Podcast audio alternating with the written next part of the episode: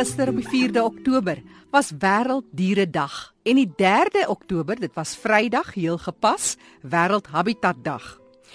En so gepraat van gepas, dit is die tweejaarlikse verslag van die WWF se Lewende Planeet verslag van 2014 wat ook die pas afgelope week vrygestel is. Onrusbarende statistieke. Ek gesels nou met die hoofuitvoerende beampte van WWF Suid-Afrika, Dr. Morney Du Plessis.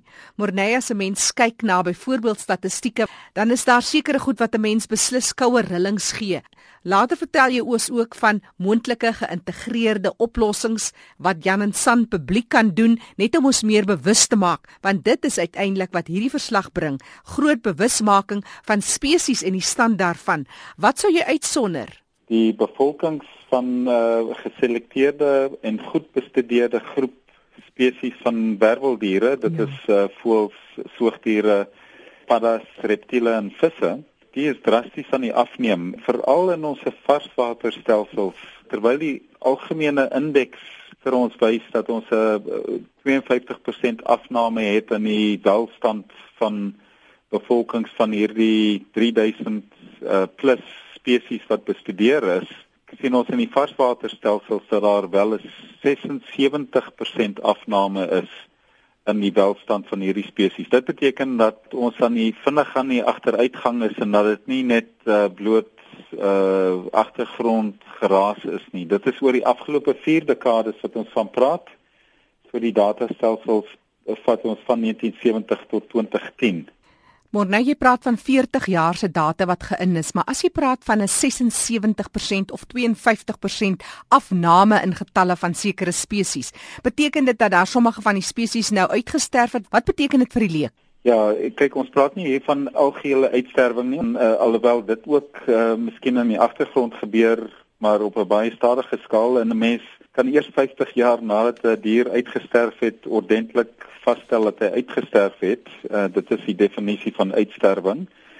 So in 'n 40 jaar analise kan 'n mens nie praat van uitsterwing nie, maar oor die algemeen wat ons van praat is daar word gekyk na bevolkings van diere, 10000 uh, bevolkings van 3000 spesies. In elke geval of die spesies homself uh, neutraal in stand hou, met ander woorde nie vermeerder of verminder nie of hy vermeerder of daardie bevolking besig is om te verminder en agteruitgang. Mm. Wat ons van praat is dat uh, daar 'n 52% agteruitgang is in spesies. So 52% van daardie spesies en bevolkings is aan die agteruitgang en is besig om, jy weet, van hulle welstand te verloor. Hulle verloor as dit ware hulle vasdra plek en is besig om agteruit te gaan. Ek gebruik die die analogie van uh, uh jy weet as jy 'n uh, uh, raamwerk het wat jy teen uitklim teen 'n gebou 'n uh, scaffold soos hulle van praat. Ja. En jy het verskillende boute wat die dinge aan mekaar sit. Spesies is soos daardie boute, jy kan van daardie boute kan jy wegvat want nie almal is ewe nodig nie. Maar op 'n stadium is daar 'n kritiese bout wat jy wegvat en dan stort die hele spulletjie in duie. Mens weet nooit wanneer jy daarby uitkom nie en dit is presies wat besig is om te gebeur met hierdie spesieanalise wat ons van praat. Interessante scenario wat jy skets. As 'n mens praat van vars water teenoor die oseane, hoekom hierdie groot tekort en afname in varswater spesies spesifiek?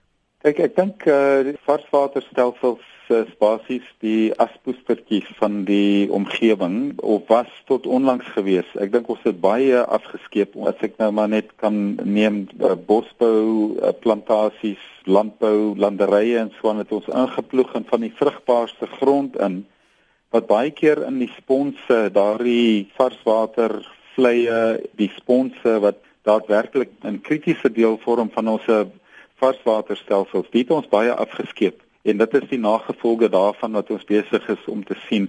Ek dink mense bring die kloutjie by die oor deesdae. Dit is besighede wat besef dis die landbou wat besef dis die bosbou dit is ons is individue wat almal besef dat ons in 'n varswater beperkte land bly en dat ons uh, baie baie saggies moet omgaan met ons veral met ons vlei lande en met ons varswaterstelsels. Mm, en so gepraat van 'n uh, wêreldhabitat dag uh, menslike inmenging raak al hoe groter en groter as ek mens kyk na ons biodiversiteit wat kwai aan die agterspene suig en wat uiteindelik dan ook tot gevolg het dat spesies swaarder en swaarder kry.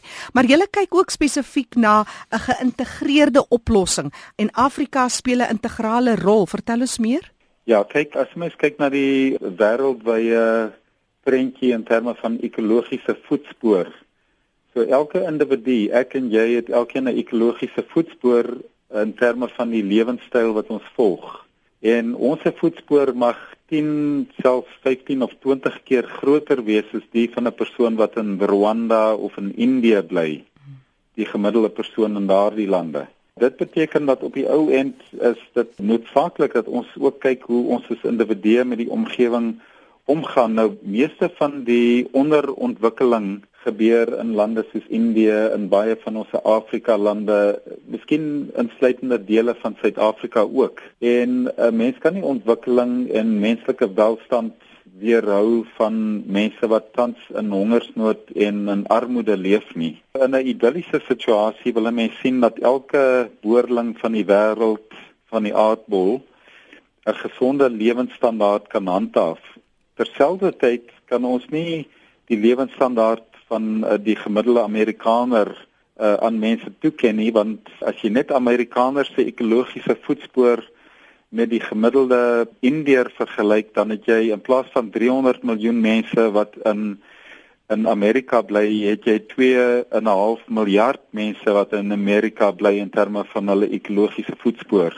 mens moet dan seker maak dat in Afrika konteks waar ontwikkeling broodnodig is om menslike welstand uh, op te hef, uh, moet 'n mens seker maak dat jy strategieë in plek stel wat as dit ware die uh, koolstof-intensiewe ontwikkeling, die vuil ontwikkeling wat plaasgevind het in Europa en Noord-Amerika dat jy verby dit kan spring as dit ware verby die landlyn na die selfoon toe in 'n energiekonteks praat jy van uh, in plaas van in 'n steenkool gebaseerde elektrisiteitsopwekkings ekonomie wil jy spring na hernubare groen skoon energie toekoms en dit is die tipe van dinge wat ons as nasies as besighede en as individue moet aandink. Ons het die waarskuwingstekens hierdie um, living planet verslag wys vir ons baie duidelik die gevaartekens, die padtekens wat sê daar's 'n baie skerp draai voor en dit beteken ons kan nie teen die snelle